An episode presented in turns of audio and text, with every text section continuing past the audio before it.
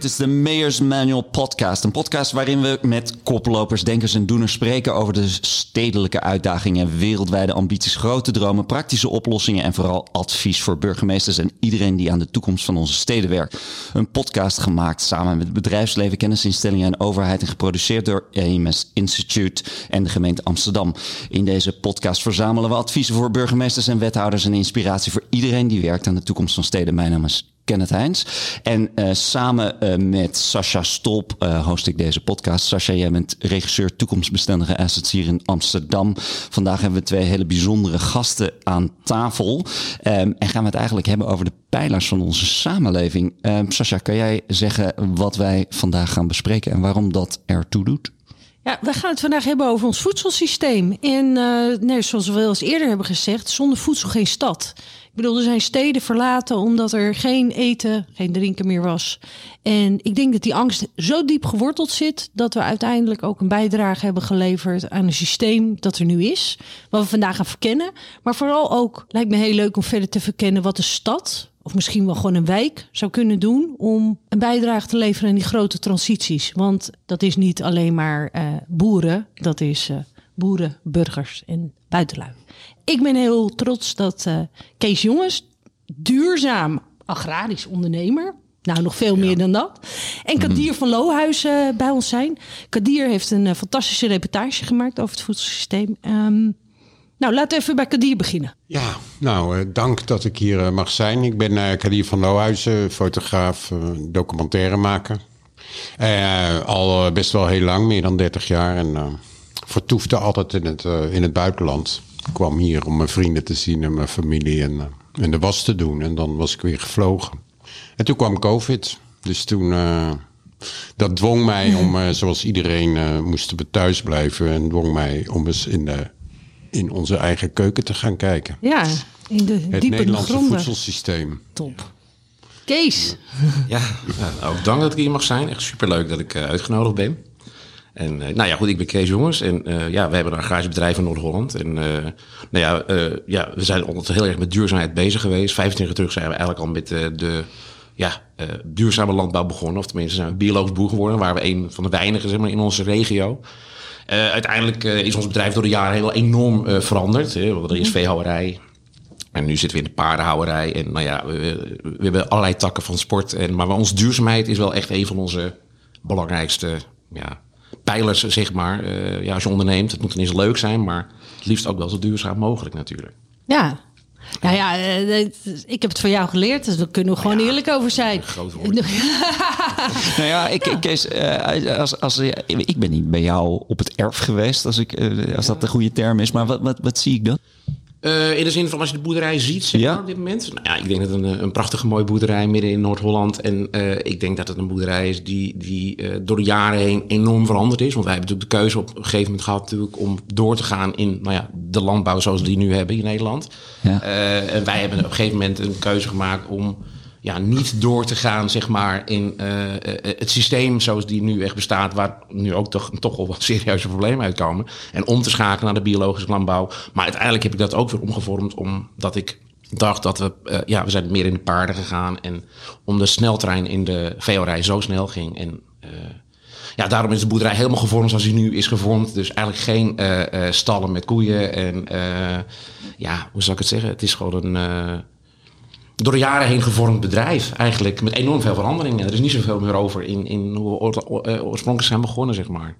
En uh, um, gewoon visueel, dus ik, ik, ik, zie geen koeien, maar ik, nee. ik zie wel uh, paardenstallen. Ja, ja. En die paarden zijn voor nou, het is natuurlijk heel, het is een deel fok, het is een deel training, het is een deel uh, van pensioenklanten natuurlijk. Ja. En wij hebben natuurlijk al het agrarische land eromheen zitten. Ja, we zijn de enige biologisch boer, hè, dus wij hebben het enige ja, grasland eigenlijk uh, waar de bloemetjes bloeien. En, en uh, ja, in mijn optiek hoe het, ja, het land zou eruit moeten zien. Hè. Dus daar zijn we natuurlijk 25 jaar terug al mee begonnen. Dus alles, alle landerijen die om ons heen zijn, dat is natuurlijk eigenlijk gewoon ja, een soort groen industrieterrein, gras, maar er leeft niks in. Maar goed, de, de paarden worden ook allemaal door ons eigen land gevoed. Hè? En dus wij uh, produceren dat hoor je allemaal uh, voor alle dieren. En ja, dat doen we zonder chemicaliën, zonder kunstmest enzovoort, enzovoort. Ja. Dus en... ja, dat, dat, dat hebben we altijd ja, Daar zijn we altijd wel pittig mee bezig geweest eigenlijk, in ons gevoel, zeg maar. En daarmee onderhoud je eigenlijk ook gewoon het landschap. Ja, tuurlijk. Nou ja, je bent natuurlijk ook als boer, ben je natuurlijk landschap, on, eh, eh, eh, je onderhoudt dat ook. Hè? Als je dat dus niet doet en je, en sowieso elke veehouder, als die natuurlijk niet gaat maaien en zijn bedrijf niet onderhoudt, ja, dan verpaupert het. je hebt natuurlijk ook nog de weidevogelbeheer en dergelijke. Als je je land niet onderhoudt, ja, dan zullen ook de weidevogels, ja, nou, dat is ook al heel moeilijk op dit moment. En wij doen er in ieder geval alles aan om dat, uh, de, een ideaal leefgebied te creëren voor die weidevogels. Maar als er geen onderhoud aan het land wordt gepleegd, ja, dan zullen die weidevogels ook uh, ja, min, nog minder worden, zeg maar.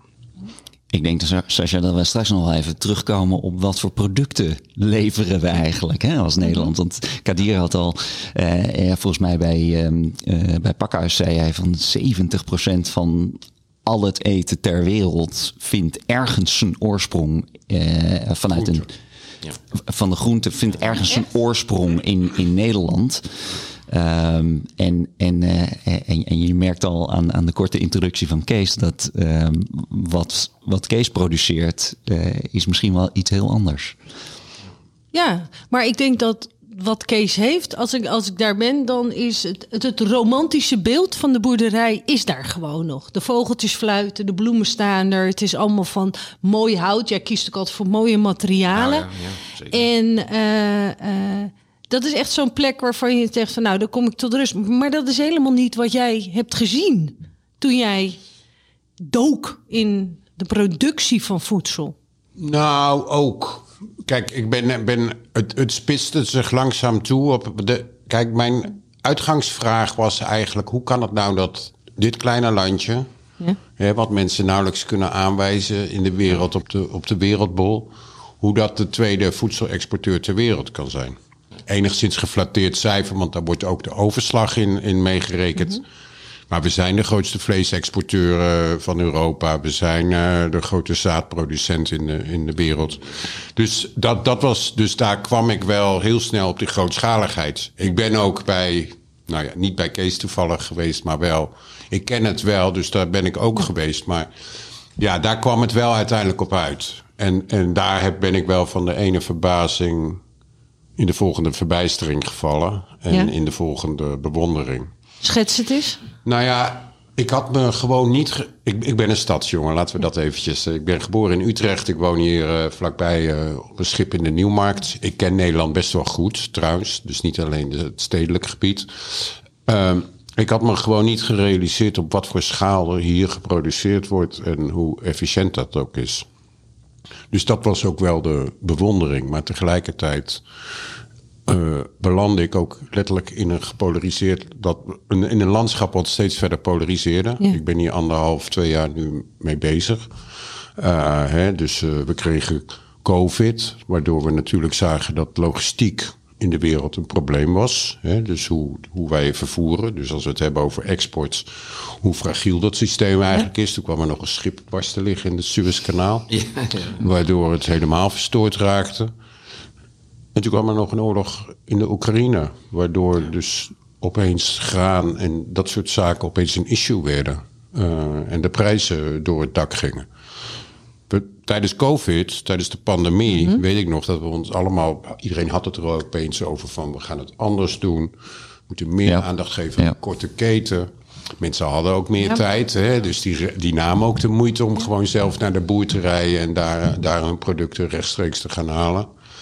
Maar ja, ik vrees dat ondertussen dat we moeten concluderen dat we weer heel hard terug zijn gerend uh, naar een uh, oud normaal. Met op de achtergrond natuurlijk de boerenprotesten en alles wat er nog meer speelt rond het klimaat. Ja. Dus, was, was jij optimistisch toen je die, die geluiden hoorde? Of had je al meteen van, nou mensen... Nou, kijk, zo'n pandemie hebben wij allemaal nog nooit meegemaakt. Dus dat, dat was wel dat het heel moeilijk was om te bedenken hoe Nee, ik was daar in eerste instantie eigenlijk wel optimistisch over. Ik dacht van, dit is zo'n... Dit is zo radicaal wat er nu gebeurt. En het, blijkt ook hoe radicaal we kunnen schakelen. Weet je wel, alles wat nooit kon in al die jaren, Schiphol dicht, uh, uh, alles, uh, alles werd afgeschaald, de uitstoot namen we, de files losten op. Ja. Gebeurde gewoon van de ene op de andere dag. Dus ik was best wel hoopvol. Ik dacht, nou ja, misschien kunnen we dat wel. En ik zit al vaker, ik zit al veel langer in, uh, in het klimaat. Ik heb een groot project gedaan over de gevolgen van de stijgende zeespiegel. En ik heb me heel vaak afgevraagd: waarom handelen wij niet als terwijl we eigenlijk zoveel weten? We hebben de kennis, mm -hmm. toch handelen we niet. Waarom doen we dat niet? Dat doen we niet omdat we in onze comfortzone zitten. Ja, het is heel moeilijk ja. om een stap ja. terug te zetten. Stap vooruit is heel makkelijk. Wij zijn een generatie die allemaal opgegroeid zijn met het idee dat je het beter hebt dan je ouders. Uh, ja. Wij zijn de generatie die waarschijnlijk de geschiedenis in gaat, die het, uh, in het beste heeft gehad. Uh, oh, als dat zou zo kunnen worden. De welvaart, denk ik, ja. die we nu hebben, dat dat op Maar we lopen natuurlijk, zit, ja. we lopen tegen onze grenzen aan. Ja. En dat is natuurlijk wel de vraag die, die dit, wat ik allemaal gezien heb, oproept. Um, je hebt eigenlijk dat, de grenzen van dat systeem verkend. Nou ja, we, we zien die grenzen. Hè, wat Kees schetst, dat die, wat hij al, al, al 15 jaar geleden of zo zag. 25 jaar terug, ja. ja, ja, hè, ja. Dat, dat, dat er eigenlijk geschakeld moet worden. Dat, dat die intensief altijd maar het opschalen meer, groter meer, wordt. meer. Dat daar, daar zit een grens aan. Maar ik vind het wel interessant. En jij bent natuurlijk, uh, zoals je zei, fotograaf, documentaire maken. Dus je zit heel dicht, zou ik maar zeggen, op de menselijke ziel om het, om het uh, groot te maken. En, en, en dan zitten we hier aan tafel met de constatering van dat we allemaal terugvallen in, in oude patronen. Uh, dat we uh, niet die stap nemen als we in onze comfortzone zitten. Maar Kees, jij zit hier aan tafel. Je hebt wel uh, een stap gezet. Ben, ben, ben, jij een afwijking? Ik ben bij mij in mijn polder zeker vreemde eend in de bijt. Zeker. Ik ben absoluut ben ik, ik, ik ben Nee, niks te nadeel verder van de boer. zijn best wel redelijk conservatiever. Die zitten natuurlijk best in een eigen, noem ik maar, wereldje. Ik heb zelf overal gereisd en gezien en gedaan. Ja. En best wel heftige plekken ook gezien. En uh, ja, veel boeren. Maar was dat jouw drijfveer? Ik bedoel dat, dat je, dat je de, hebt gezien dat het uh, um, niet houdbaar was? Het, het, nou ja, het, het, de reden waarom wij biologisch zijn gegaan is omdat we sowieso niet wilden groter groeien. Hè. Wij wilden niet weer een groter bedrijf worden, hè, want dat is natuurlijk nu enorm, die schaalvergroting. Hè, stallen met 400 koeien. Uh, met, je bent eigenlijk gewoon een manager van je bedrijf geweest, geworden, zeg maar. Mhm. Mm -hmm. Ik denk dat de meeste boeren dat eigenlijk helemaal niet leuk vinden, want die vinden eigenlijk het leukste natuurlijk om gewoon ja, het bedrijf te bedrijf en gewoon alle partij-dingen. En niet een manager te zijn in een kantoor die, uh, die, die, die een bedrijf runt. Ik denk dat het mooiste is van een bedrijf zoals ik die nu heb. Ik doe alle facetten zelf. Maar ja, op een gegeven moment, als je te groot groeit, en die, die keuze heb je natuurlijk gemaakt. Om, om groter te gaan worden. Maar dus jij zat aan je, aan je keukentafel uh, na te Samen denken. Met mijn vader, hè? laat ja. ik zeker niet vergeten. Want mijn vader uh, was echt wel een. Maar je hebt ongetwijfeld ook wel eens een belletje gehad van de Rabobank. Van uh, moeten we niet investeren? Nou ja, zeker. De Rabobank is natuurlijk. natuurlijk sowieso staat die natuurlijk is redelijk discutabel. Op het moment staat het ook niet heel goed in het nieuws natuurlijk. Het, het, punt is natuurlijk dat je als boer bent. heb je eigenlijk extreem veel risico's. Ik bedoel, zien wat er allemaal aan de hand is en wat er speelt. Maar de Rabobank heb eigenlijk natuurlijk nul risico, want die dekt alles enorm in. Maar ja, die zegt wel tegen jou van ja, oké, okay, uh, we kunnen je al een paar ton lenen, maar dan moet je wel zoveel koeien meer gaan melken, want anders kan je die hypotheek niet betalen. Ja. Dus, en wat was voor, voor, voor jou met je vader samen? Je zei ik, gewoon. Ik, ik wil gewoon niet die stap. Ik heb geen zin om, uh, om in de galg te hangen van de Rabobank. En dan moet je gewoon een keuze te maken om gewoon ja, een andere weg te gaan kiezen. Die duurzame kant op te gaan en niet in de massa, zeg maar. De, dus dat is eigenlijk de hoofdzaak van mijn keuze geweest, Hmm. eigenlijk. Ja, nee, je hebt mij ook wel vaak uitgelegd is van... ik wil uiteindelijk geen aandeelhouders in mijn boerderij. Nee, ja. ja. Dat je zei van ja, als ik steeds groter moet worden... hoe kan... Nou, je hebt twee kinderen. Hoe kan, kunnen mijn kinderen dit nog overnemen? Dat gaat dan op een gegeven moment Dat is niet nu al bijna onmogelijk. Ik bedoel, welke jonge jongen of nou ja, meid kan een agrarisch bedrijf overnemen... waar een schuld boven hangt van 5, 6 miljoen euro? Laat staan beginnen. Beginnen. Eh, want je staat op een gegeven moment voor het punt dat je zo'n bedrijf wilt overnemen. En je kijkt wel op van, oké, okay, bij mij als ik door zou willen... er was misschien wel een investering van 2 miljoen euro. Hè, want het is niet alleen dat je toen de tijd in die quotumperiode uh, quotum moest kopen... Dan moet je er ook je stallen gaan vergroten. Je moet je uh, meer koeien gaan. Je moet, het heeft een enorme, uh, enorme gevolgen, zeg maar. Waardoor je denkt, ja, wil ik daar uh, half bungelen, zeg maar? Ja. Of, of wil ik gewoon een andere keuze maken, een andere richting maken? En ja, die keuze heb ik gemaakt. Maar want jij hebt die efficiëntieslag wel gezien. Uh, je vertelde dan meer over die slachterijen. Waar je, waar, waar ja, het, ik heb, wat ik vooral zag was de deromantisering van het boerenbedrijf. Ja, ja. Hè, dus het is inderdaad gewoon. De, het is extreem efficiënt. Hè? Dus ik was bij, bij zuivelhouders die dus nu de melkrobots hebben. Nou ja, het, het ziet er vrij comfortabel uit. Hè? Je hoeft niet meer om zes uur uit je nest en dan uh, eind van de dag weer te melken. Hij zit op zijn app, uh, uh, wordt dat allemaal gereguleerd. Maar ja, het, het, was niet, denk ik, voor heel veel boeren het idee om boer te worden. Hè? Tuurlijk, je runt een bedrijf. Uh, maar de druk is zo hoog dat, dat dat nu gewoon problematisch is. Dus ik heb ook meer begrip gekregen. Hè? Dus ik, de, uh, ik snap hoe mensen gemangeld zijn in regelgeving. Het adagium was altijd, je moet groter. En nu is het dus sloes afgelopen. Hè? En da daar, ligt heel, daar ligt een heel groot probleem bij de overheid. In vele opzichten, hè? want ja. alles wordt eigenlijk, als er echt iets gebeurt in Nederland de laatste jaren, dan komt dat door uitspraken van een rechter. He, dus of dat nu de klimaatzaak is van Urgenda, die de overheid dwingt de uitstoot te beperken, of de uitspraak van de Raad van State vanmorgen weer. Vanmorgen weer, ja. ja. ja. ja. Dus daar zitten, we, we, we, we, draaien ons steeds verder vast. En een overheid die het dus niet wil, fatsoenlijk wil uitleggen. Ja, maar is Want dat, ik denk, dat, wat ik heb gezien, ik denk eigenlijk, maar corrigeer me als ik het verkeerd heb, dat het merendeel van de boeren uh, best wel wil. Die, Ze willen zeker, 100%. Die zien best wel dat het anders moet. Ze hè, kunnen en niet. anders kan. En ik ken er genoeg die hebben een zorgboerderij daarnaast. Jij bent gaan diversificeren. Dus die mogelijkheden zijn er gewoon. Ja. En het grote voordeel is, er staat wel een zak geld. Ja. Wil ik niet zeggen nou, dat dat dan moet je maar oplost. wachten natuurlijk. Wat, hmm. wat dan ja, die zak maar geld ik heb me wel even verdiept in dit verhaal ook Ja. hoe het toen gegaan is. Hè? Ja. Weet je, de afsluitdijk die werd aangelegd in 1932, de polders die uh, aangelegd werden, de grootste productieschuur van de wereld, Flevoland.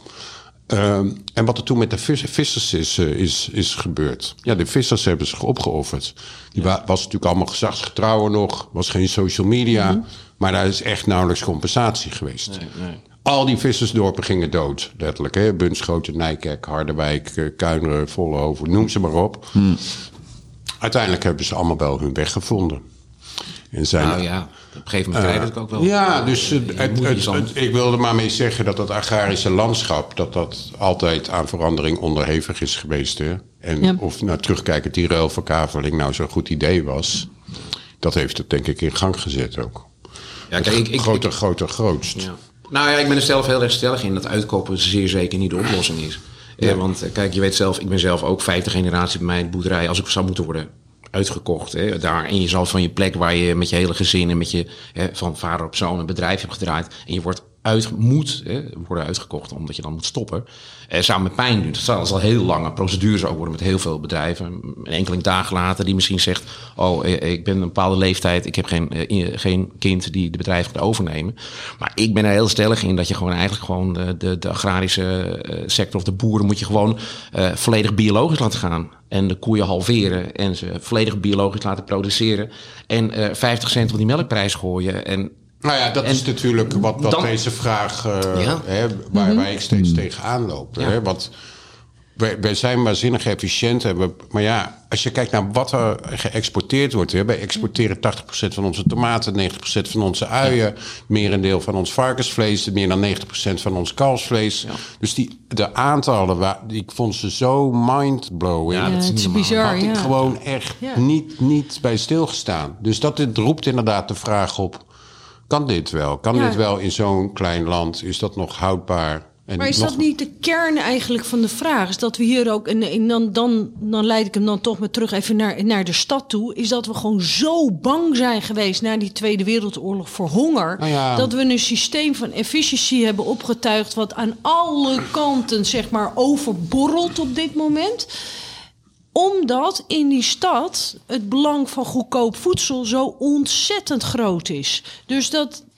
En, Kijk, en, nou ja. eh, en, en, en voeding voorradig. Maar dat we daar aan dat narratief moeten werken. Dat, dat, Kijk, voedsel Ook is natuurlijk eigenlijk gewoon veel te goedkoop. Laten we daar... eh, Daar, bedoel, daar, begint het grote probleem. het probleem. Want het probleem is heel simpel, wat ik al aangaf net. Als je 50 cent bij een liter melk eh, Ja. zou voegen...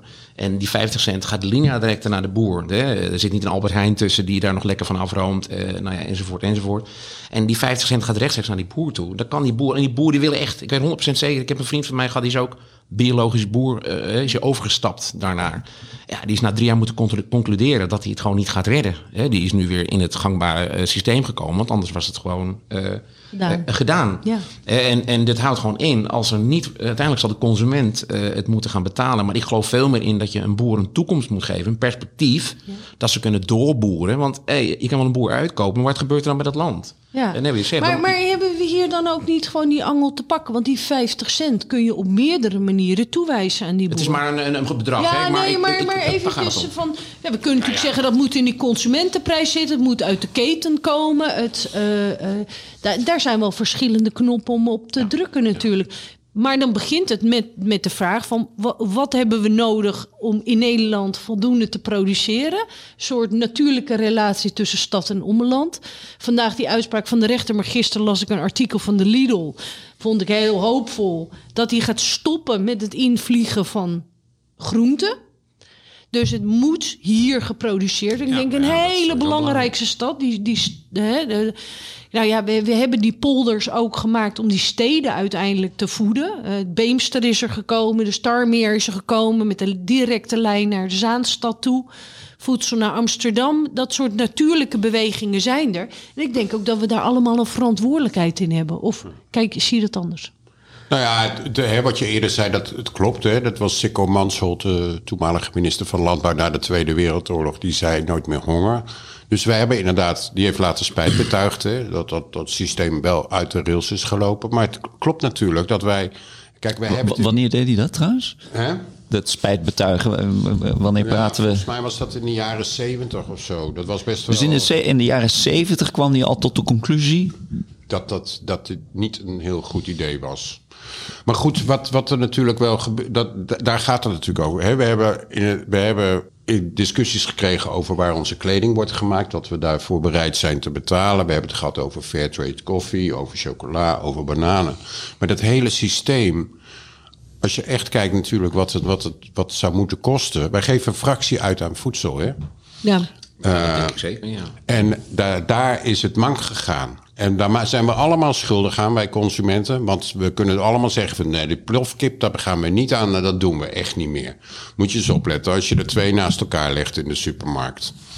Welke, welk schap het eerste leeg is. Dus als je, als, je, hè, er is, als je kijkt naar de fair pricing, dan daar ligt het probleem. Daar ligt het probleem ook bij de, bij de boer. Het ligt het probleem met ons consumptiesysteem. Ik ben opgegroeid met seizoensgroenten. Ik ben opgegroeid met ja. Niet elk, echt niet elke dag vlees. Dat was veel te duur. Maar dat is ook veel te veel. Dat is echt wel serieus doorgeslagen. Ik bedoel, uh, eigenlijk is het gewoon veel fijner om te wij eten. Wij zijn zelf ook dan ja, boeren natuurlijk, maar wij eten ook veel minder vlees. We zijn, zeg ik, wij, je bent er echt wel mee bezig. Van waarom, uh, waarom moet je elke dag vlees eten? er zijn zat alternatieven. En natuurlijk die zes, ik, ben, nou, ik heb natuurlijk in Kenia ook wel eh, een, een, bedrijfje gehad. Ja, en dan zag ik dat er 21 vluchten per week uh, met, met rozen en met, met, met boontjes vanuit Kenia werden ingevlogen naar Nederland. Dat ik denk, wow, dat is toch wel bizar eigenlijk dat het gedaan wordt. Ja, nee, dat invliegen sowieso. Maar als we nou eens naar de andere kant. Um, we hebben ook in Amsterdam echt een grote groep kinderen die s'morgens niet eens ontbijt meekrijgen naar school. Uh, mensen, de, voedselbank is ook enorm toegenomen. Dus als je een burgemeester bent in de stad en je moet die balans hebben van enigszins uh, mensen voeden versus eigenlijk niet meer zo'n landbouwsysteem willen. Waar gaan we aan draaien? Hoe komt dat voedsel toch bij mensen? Kunnen we daar iets voor verzinnen dat we nou, wel de landbouw hebben in nou het systeem wat we willen? Als je in Amsterdam woont of je wil gaan wonen, dit is niet te doen gewoon. Hè? Want nou ja, neem even Amsterdam, heel Nederland. Nee, nee, nee, maar probeer hier een huis te kopen. Of, eh, nee, hè? Dus, dus de, de, de, lasten die mensen... Enorm de, de, vaste lasten die mensen hebben aan, aan, aan hypotheek of huur... Daar, er is dus geen... Mensen kunnen voedsel niet betalen natuurlijk... omdat de, andere lasten zo gigantisch Los van energiekosten op, op, zijn opgelopen. Ja. Dus daar, daar ligt natuurlijk een, uh, denk ik, een, een heel groot probleem. Dus daar, het systeem is natuurlijk op, op vele manieren uit de rails gelopen. En is deze stad, als we het over Amsterdam hebben, een fantastische stad om te wonen als je er woont. Maar niet als je er naartoe wilt. een stad om te bezoeken als je er niet woont. Maar als je hier wil gaan wonen, ja. Is dat eigenlijk niet. Uh... Dus eigenlijk komen de, de fundament van het bestaansrecht van mensen waar ze ook wonen in relatie tot ik- dit ik soort systemen, of niet? Geven. Het zit een, eh, Ja? in, in de tegenlicht die maandag wordt uitgezonden. Er zit ook een interview in met de CEO van Plantlab. Plantlab is, eh, Mhm. zeg- nou, zij zeggen, de grootste vertical indoor farm van Europa. Dat zit in de oude typemachinefabriek van in Amsterdam Sloten. Gewoon midden in de ja, stad. ik ben er wel eens geweest. Ja, en hij zegt ook, van, eh, ik ze- zeg van, eh, wat kan je nou allemaal verbouwen? Nou, basilicum, sla, eh, enzovoort, enzovoort. Maar ook komkommers. En, en, en ik zeg, ook bananen? Ja, hij zegt, bananen kan ook. Maar hij zegt, ja, dat, daar is, dat kan dus niet. Want hoe kan ik nou...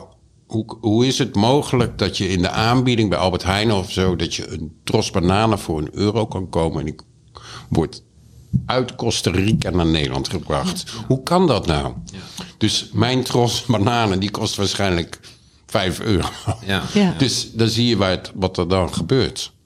Dus daar, dat, daar, daar is het natuurlijk... eh, Maar natuurlijk net zo met melk natuurlijk. Dat- Ik bedoel, dat- Kijk, als je natuurlijk natuurlijk, is ik, dat- ik ja. vergelijk het toch met een flesje water. Als je een flesje water hebt, eh, wat dan ergens uit de Ardennen ergens in een flesje wordt gepompt, misschien door een filtertje heen.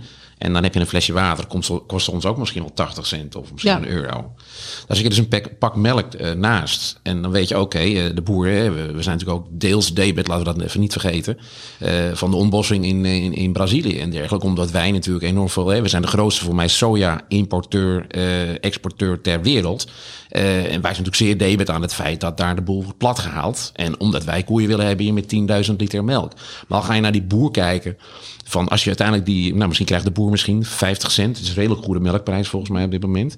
Maar ik denk als je gaat kijken wat uiteindelijk het traject is geweest van eh, voor je liter melk hebt van de tapioca soja die wordt geïmporteerd eh, naar eh, nou ja, een boer met een enorme hypotheek, met de arbeid, met, met alles wat daaraan vastzit. Ja, dan zeg ik, dan zou je ook misschien wel naar die 5 euro gaan. Als je, dat is dan de werkelijke prijs. Als je al die, die, die, die de vraag is dus wat je dan... Hè, want wat, wat er is natuurlijk heel veel... Hè, onze ele- elektronica, kleding en zo... dat is natuurlijk allemaal in lage landen... la- Ja. wordt dat, lage lonenlanden wordt dat geproduceerd tegenwoordig. Het probleem met de Oekraïne was, dacht ik van... Toen de Oekraïne nog onderdeel was van de Sovjet-Unie... voordat die uit elkaar viel in 1991... kwam er volgens mij geen korreltje graan uit de Oekraïne richting West-Europa. Dat ging, het was in de Sovjet-Unie of in ieder geval in bevriende naties. Daar ging dat Ging naartoe. heen, ja. Dus wat is er gebeurd? We hebben dus die productie verlegd naar een, een land wat, hè, waar goedkope arbeid is en waar veel, Veel Nederlandse boeren ook daar. Hè? ja, veel Nederlandse boeren. Maar toen dacht ik van ja, we, we willen ook niet dat onze voedselproductie verlegd wordt naar lage lonenlanden. Want Nou ja. het probleem in Nederland is natuurlijk dat het, het is gewoon een heel duur land om te leven. Hè? Dus, dus Nederlandse melk is per definitie in die zin relatief duur. Of Ja, niet? ja ik, ik weet het. Ja, eh, het zal zo zijn. Maar kijk, het is ook wel zo. eh, eh, ik denk dat je ook moet gaan uitkijken. Bijvoorbeeld om bedrijven die hier dan willen stoppen en ergens anders gaan beginnen. Want eigenlijk gaan ze het natuurlijk. Je verlegt eigenlijk het probleem. Nee, nee, nee, Eh, het is ook een en dat- vraag. Wat, dat- dat- het is een vraag aan jou, wat jij denkt dat... ja, wat- ik denk zeker dat in Nederland de melk gewoon echt veel, veel te goedkoop is. Eh, En, en eh, het, zeg ik, eigenlijk het zeg ik, het grootste deel van de oplossing is de consument dan meer voor vlees moet gaan betalen. Maar ik denk dat het heel goed is voor een consument dat je een, als je als het allemaal gecertificeerd, zo bijvoorbeeld Zwitserland heeft volgens mij een referendum gehouden en de bevolking van Zwitserland heeft daarbij gezegd dat ze een eh, circulaire eh, eh, agrarische sector willen.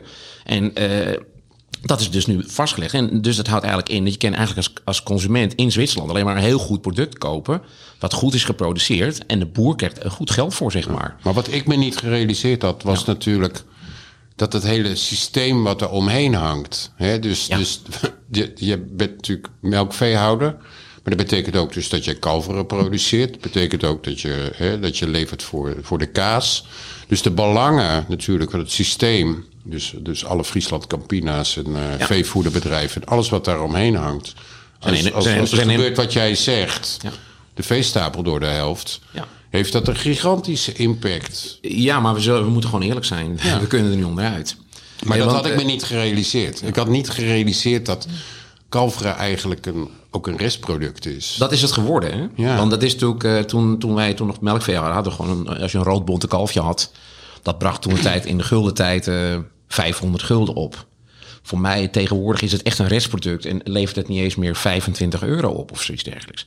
Nee, En- niet, niet, niet aan de boer, maar wel, wel aan de andere kant natuurlijk. Ja, maar je hebt heel veel, als je stierkalfjes hebt, sommige die, die, die, dat kun je En eigenlijk niet kwijt. wij geen kalfsvlees eigenlijk? Nee, ik, ja, ik eet sowieso geen kalfsvlees. Eh, Nee, maar omdat je vegetariër bent misschien. Nee, maar, nee, ik heb gewoon- Maar ik, eh, hoe komt het dat Nederlanders... Daar kwam ik maar niet achter. Heeft dat nog, is dat nog een eh, dogma van de kist... Of een eh, trauma van de kistkalver of wat is er? Waarom geen, kal- geen kalfsvlees? Nee, Eh, waarom, ja, kalfskroketten eten we. Ja. Goeie Nee, vraag, geen idee eigenlijk. Ik eet nooit kalfsvlees Nee, inderdaad. Ik eet sowieso niet zoveel vlees. Maar jij weet het niet. Waarom? Sorry? Ja? Eh, waar- waarom we dat nu nog wel eten in Nederland? Nee, heel waarom we dat nauwelijks eten. Waarom dat allemaal export is. Want dat, dat, in- dat wordt... Nou, ik denk dat er toch nog wel behoorlijk kalfsvlees, denk ik, nog wel in Nederland wel gegeten wordt hoor. Die komt Nou, het begint een beetje terug te komen op de Ja. kaart van de duurdere restaurants. Ja. Maar zoals er kalfsvlees wordt gegeten in Italië of Frankrijk of... Nee. Het is ook heel blank vlees. En sommige mensen denk ik dat, dat mensen dat blanke vlees eh, ja, lekker vinden. Of, ja. ja, ik word er niet vrolijk Ja. van. Ja, Ja. ja. ik vind het een lastige. Oké. Hey, en, en jij, eh, Kadia, we hebben over de hele wereld ook eh, je reportages gemaakt. En zie je overal dezelfde worsteling? Op menselijk niveau, op systeemniveau? Nee, dat denk ik niet. Dat je dat overal. Nee. nee. dat is toch. Ik bedoel, ik denk dat een boer in Bangladesh. Wat ik gezien heb, dat, dat, dat die nog een stuk dichterbij bij staan bij, bij de oorsprong of bij de natuur. En, en, en niet op, op zo'n schaal hoeven te produceren. In India zie je het al problematischer worden. Hè? Dat gaat natuurlijk, er is de bevolkingsdruk is natuurlijk heel erg aan het toenemen. Maar kijk, dit, dit is nu, hoofdstuk Nederland is nu bijna afgerond. Ik ga nu naar het buitenland. Dus ik ben nu net terug uit Saudi-Arabië en de Emiraten. Omdat dus die twee landen, en met name Saudi-Arabië voorop, die willen dus van grote voedselimporteurs, willen zij eh, Voedselproducent zelf- worden, ja. worden. En Saudi-Arabië wil de exporteur van de regio worden. Nou ja, dat is fascinerend hoor. Megastallen in de woestijn Alles of is zo. daar mega. Dus Ja. hè, wij, wij hebben hier een megastal eh, koeien, is hier 300. Toch? Zoiets. Nou ja, dat is wel zeker. Ja. Die, die, eh, Nou, in Saudi-Arabië is dat 150.000. Oké. Dus daar zijn de allergrootste kassen ter wereld, de allergrootste indoor farm, de allergrootste zuivelboerderij, de allergrootste kippenboer. Dus alles is daar. En in een het is bijna geen boerderij meer, het is gewoon dus ik- industrie. Ik, dacht, ik ben heel erg heen en weer geslingerd tussen van, nou ja, dat is dus korte keten, hè, wat ze produceren dus voor de regio, voor hunzelf. Het staat wel in de woestijn. Maar liggen die bedrijven dan in een haven? Want ik neem aan dat het alleen maar moet worden eh, eh, toegeleverd door, door, door enorme zeeschepen die die producten leveren, toch? Want ik bedoel, het is niet zo dat daar eh, eh, prachtige mooie grasweiden zijn en dergelijke. Dus hoe, Er is een deel van Saudi-Arabië is, is groen, dat denk ik, maar het overgrote Ja. deel is woestijn. En nou, de bedrijven waar ik ben geweest, die staan allemaal in de woestijn in ieder geval. 150.000 dieren voeden, ik bedoel, eh, dat is eh, gigantische eh, hoeveelheden. Dus Ja, dat zal nou toch... ja, kijk, geld speelt geen rol. Nee. Hè? En het is, ik moet ze nageven dat die, die, die, die regio in het Midden-Oosten, dat die sneller door hebben dan veel landen hier. eh, dat fossiel eindig is. Maar goed, ze verdienen nu geld als Ja, water ja. natuurlijk. Hè, want de olieprijs is astronomisch. Dus, maar zijn dat wel op een andere manier aan het investeren... waar wij nog steeds toch denken dat we nog eerst de laatste druppel moeten oppompen. Ja, maar we hebben natuurlijk in Nederland, eh, vind ik, heel erg een pleisterbeleid. Dus gewoon eigenlijk gewoon maar pleisters plakken en eh, verder en, en weer. Terwijl er niet echt eh, ja, keiharde maatregelen... Hè, Maar hoe, hoe gaan wij over 30 jaar terugkijken op deze fase? Is dit een achterhoedegevecht of is het... eh, Ik denk dat we gewoon veel te... We zijn gewoon door blijven modderen. Kijk, ik heb geen, niet, niet echt een heel goed... eh, veel goeds te zeggen over de politiek, zeg maar. Daarom komen jongeren in opstand. Hè? Die denken van, god, sorry. Nee, prima. Ja, Jullie- ja. Jullie, laten, jullie hebben deze, deze planeet in 100 jaar eigenlijk naar, Naar de, de kloten geholpen. En wij mogen het dus op gaan Ja. knappen. En, en jullie weten al decennia lang dat dit niet goed gaat. Hè? Dan heb ik het even over Maar het heeft klimaat. ook allemaal om het geld te maken. Ja, het, punt. het gaat, eh, kijk, het is hetzelfde als je naar plastic gaat kijken. Het is nog steeds goedkoper, nou misschien nu niet meer, om eh, eh, zeg maar eh, uit olie plastic te gaan maken. Ja. Terwijl ja, enorme pakken plastic liggen te, eh, die gerecycled kunnen worden. Maar het is altijd een kantelpunt van wat is het duurder. En, en- maar zolang de olie goedkoop is, dan gaan we toch die keuze maken voor die goedkope olie. Ja, dat moet je gewoon. Ja, we zien onze energievoorziening in Nederland natuurlijk ook. eh, uitermate slecht. En gewoon om hout te gaan verbranden. Dat, dat is voor mij het meest erge wat ik hier, wat ik mijn nekharen... Hier bij de Hemhavens, waar dan zo'n centrale is gebouwd... waar we dan hout gaan verbranden. De Hemhaven gaat uh, uh, dicht. De hem, hem, hem centrale gaat dicht. In verhouding is die schoner eigenlijk... als wat hetgene wat ernaast wordt gebouwd. En dan denk ik, ja, waar zijn we nou bezig om te gaan kiezen... om hout te gaan verbranden uh, voor onze energievoorziening? Dat denk ik, ja...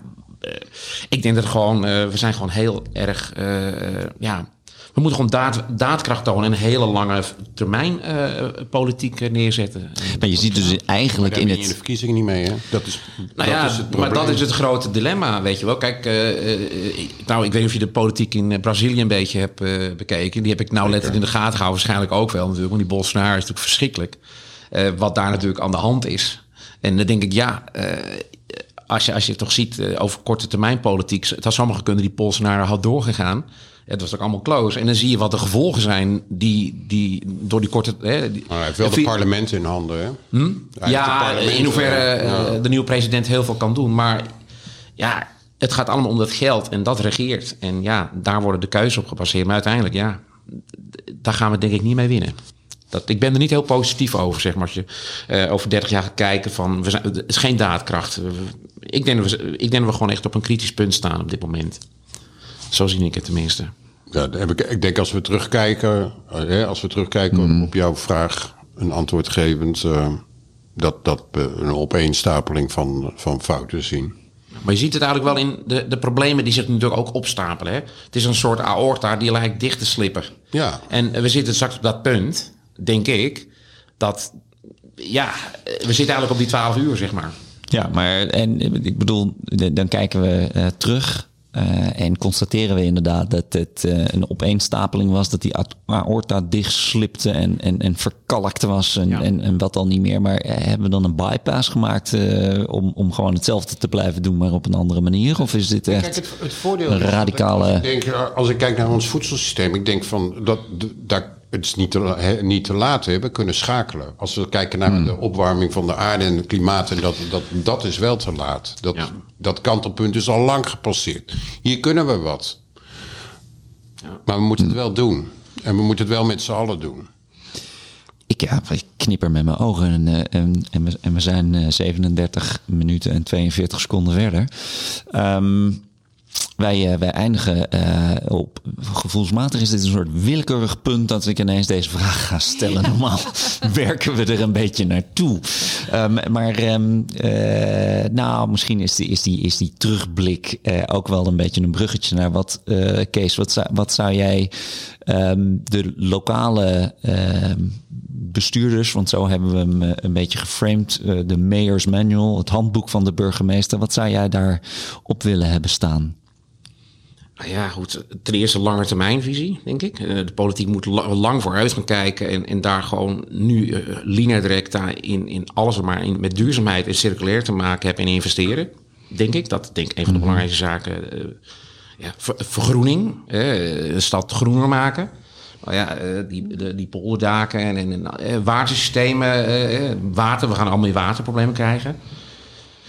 Uh, ja, ik, ik, denk gewoon volledig duurzaam denken. Uh, en, en daar volledig die visie op, uh, op zetten. En daar volledig op insteken. Want uiteindelijk denk ik, als je zo denkt, dat het uiteindelijk absoluut komt het ook weer terug. Hmm. Maar jij zal wel moeten beginnen, zeg maar. Ja.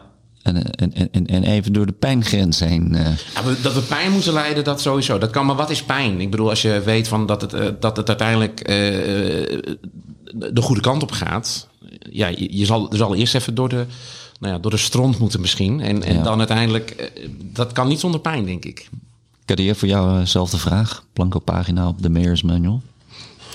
Kijk, dat werd, dat werd al aangeroerd natuurlijk. En of het nou over de ruimte, ruimtelijke ordening gaat of over ons, ons beleid over voedselproductie, die, die lange termijnvisie mist gewoon. Mm -hmm. En uh, uh, daar, daar schort het aan. En ik denk dat een stad een metropool als Amsterdam, of laten we het hebben over de metropool Randstad. Hè? Want voor iedereen buiten, buiten Nederland is dat gewoon het grootstedelijk gebied. Waarbij uh, Chinezen er nog naartoe kijken van dat is ideaal. Hè? Dan hebben ze dat zo'n groen hart, hebben jullie daar middenin gebouwd. Daar produceren jullie en dan hebben jullie daarna, daar omheen de stad. Dat, dat, op het moment dat we op de lange termijn gaan kijken, dan... Uh, kan natuurlijk gewoon heel, heel veel. Maar de politiek en dus ook de stad Amsterdam zal daar het voortouw in, in moeten nemen. En de stad Amsterdam heeft ook wel geschakeld. Ik heb ook voor de stad Amsterdam onderzoek gedaan hoe dat nou wel kan met die korte keten, hoe, hoe, hoe we dat anders kunnen inrichten. Uh, en dat, kan natuurlijk. Maar het zal enige pijn kosten. Maar wij wonen. We zijn natuurlijk heel erg verwend geraakt in dit land. Hè? En we klagen heel veel. We hebben ontdekt hoeveel geld er is. Hmm. We hebben het nu over, moeten zitten, over pensioenen. Moeten, hè, daar moet iets gebeuren. 1500 miljard euro. Ja. Hmm. ja, ja, er is zoveel geld. Hè? Dus de problemen die wij hebben zijn gewoon minimaal vergeleken met heel, heel veel andere landen. Dus wij komen uit zo'n luxe positie. We hebben het dus over. we, hebben, we zijn gewoon een van de grote voedselproducenten in de wereld. Nou, en een van de rijkste landen ter wereld. Dus, dus het kan natuurlijk. natuurlijk gewoon heel veel. Wij, hebben zo'n goede startpositie. Dus... Nou, daarom denk ik juist dat een heel goed voorbeeld. Wij, als we juist als Nederland, innovatief land, heel erg goed hierop op volop ingaan. Natuurlijk in samen met Europa. Je kan ook een vol, het kan ook een soort voorbeeld zijn voor ook nou ja, een land als China of bepaalde landen. Dat je zegt, hey, het kan heel goed werken als we die stappen nemen. En, het geld is er eigenlijk. Ja, god. Ja, maar, zie het als, als een oplossing. Hè? Alles wordt altijd neergezet als een probleem. Weet je wel, dus we kunnen, we kunnen bewegen waardoor het ook... Nou ja, waardoor deze planeet vooral leefbaar blijft... en waardoor deze planeet ook gewoon te eten heeft. Nou, duurzaamheid is natuurlijk absoluut niet een achteruitgang. Ik denk dat het leven, als je goed, volledig circulair duurzaam gaat produceren... en, en dat het een, een, voor, een, een, een stap vooruit is... Nou ja, het stond vandaag ook in, was in het nieuws dat 20% van de grote bedrijven gewoon daar eigenlijk gewoon helemaal niet aan wil. Om, hmm. om te verduurzamen. En dat zijn de bedrijven met de, met de grote voetafdruk. Ja, maar dan moet dus gewoon eigenlijk de politiek moet daar gewoon natuurlijk. Kijk, eh, Shell had volgens mij het laatste kwartaal weer 7 miljard winst gemaakt.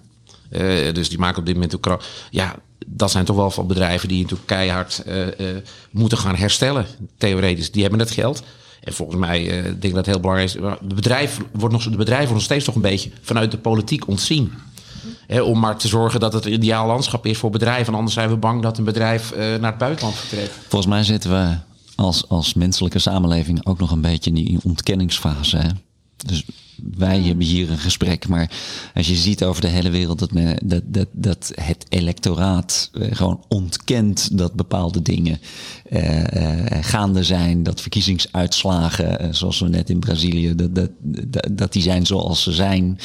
Um, ik vind dat dan toch een, een, een vrij sombere tussenstand. Uh, ja. waar we, nee, waar dat, we dat, zitten. Dat is het ook. Het is niet een, een, een, een, ja, niet een verhaal waar we heel blij van moeten worden. Maar ja, zolang we blijven doormodderen, gaat het niet veranderen. Ja. Sascha, we, en nogmaals, het is een beetje een willekeurig uh, moment in het, in het gesprek, maar we, gaan toch afronden. Aan jou altijd het laatste woord. nou, wat ik eigenlijk wel heel mooi vind, is, is, is wat jij ook net benoemde, is dat groene hart. En niet in de zin van dat we per se groen, maar, maar we hebben nog een beetje de neiging om na te denken over het grijze hart. Het grijze hart met het bedrijfsleven, met, met overproductie, met uber-efficiency. Laten we wel zijn, dat systeem heeft ons veel gebracht. En ik denk dat heel veel mensen leven in het idee hè, en nog in de hoop van een beter verleden, is dat dat systeem dus ook de oplossing gaat bieden voor al die uitdagingen voor staan. Terwijl we eigenlijk moeten zeggen: nee, we omarmen dat groene hart. Daar kan een stad natuurlijk een enorme bijdrage in leveren in dat narratief. Want juist vanuit dat groene hart kunnen we ook kwetsbare groepen meenemen in die verandering. Omdat die zo direct toch al als eerste tegen die grenzen van dat systeem aanlopen of al zijn aangelopen. Als we het hebben over kinderen met honger naar school, waardoor ze niet kunnen leren, niet kunnen presteren, dan zou dat een focus moeten zijn die we willen oplossen in dat groene hart.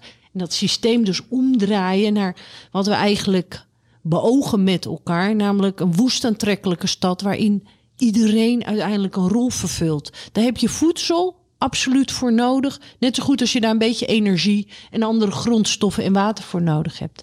Gaan we vast weer verder verkennen. Uh, we moeten, we moeten. Ja. Dankjewel. Je luistert naar de Mayors Manual podcast. Een podcast waarvan de redactie werd gedaan door onze studenten. Studentassistent Mees de Kanatel van de opleiding Meet van de EMS Institute. En door Jalisa Schaap en Scipio Kok. Dankjewel uh, Kadir. Dankjewel Kees uh, voor jullie uh, aanwezigheid en levendige discussie hier. Ja, super belangrijk. Um, kijk vooral ook naar de documentaire. Wanneer gaat die in première? Um, maandag tegenlicht, kwart over tien. Zondagavond toch? Nee, maandagavond. Oh, maandagavond. Dan moeten wij... En, maandagavond. Vrijdagavond, vrijdag, 16 pagina's supplement in trouw. Oh, wow. Wij moeten heel snel deze podcast dan online zetten. Uh, dank aan de partijen die deze podcast mogelijk hebben gemaakt. RVO, de gemeente Amsterdam en EMS Instituut. Bedankt voor het luisteren en tot de volgende keer. Hoi!